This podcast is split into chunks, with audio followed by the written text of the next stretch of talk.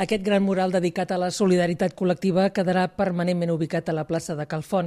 Fa gairebé 50 metres de llarg i 3 metres i mig d'alt. Hi ha les fotografies de persones anònimes, metges, infermeres, treballadors de residència, autònoms, que van treballar quan estàvem confinats. L'únic conegut és Jordi Cuixart. En realitat, quan t'hi acostes, veus que estan fets de milers d'imatges, com explica Joan Fontcoberta. La mirada miop de prop ens dona aquesta estructura de múltiples imatges no?, que figura que són els, els píxels, però que tenen cada una d'elles un contingut autònom, no? i efectivament la gràcia està en què a cada una d'aquestes tessel·les arribem a veure una escena, arribem a veure un retrat, arribem a veure un objecte. Ell té clar que deixa alhora un document i un monument d'un esforç col·lectiu per les generacions que vindran. Per mi, un, un treball d'aquesta mena és també una manera de, de construir comunitat. No?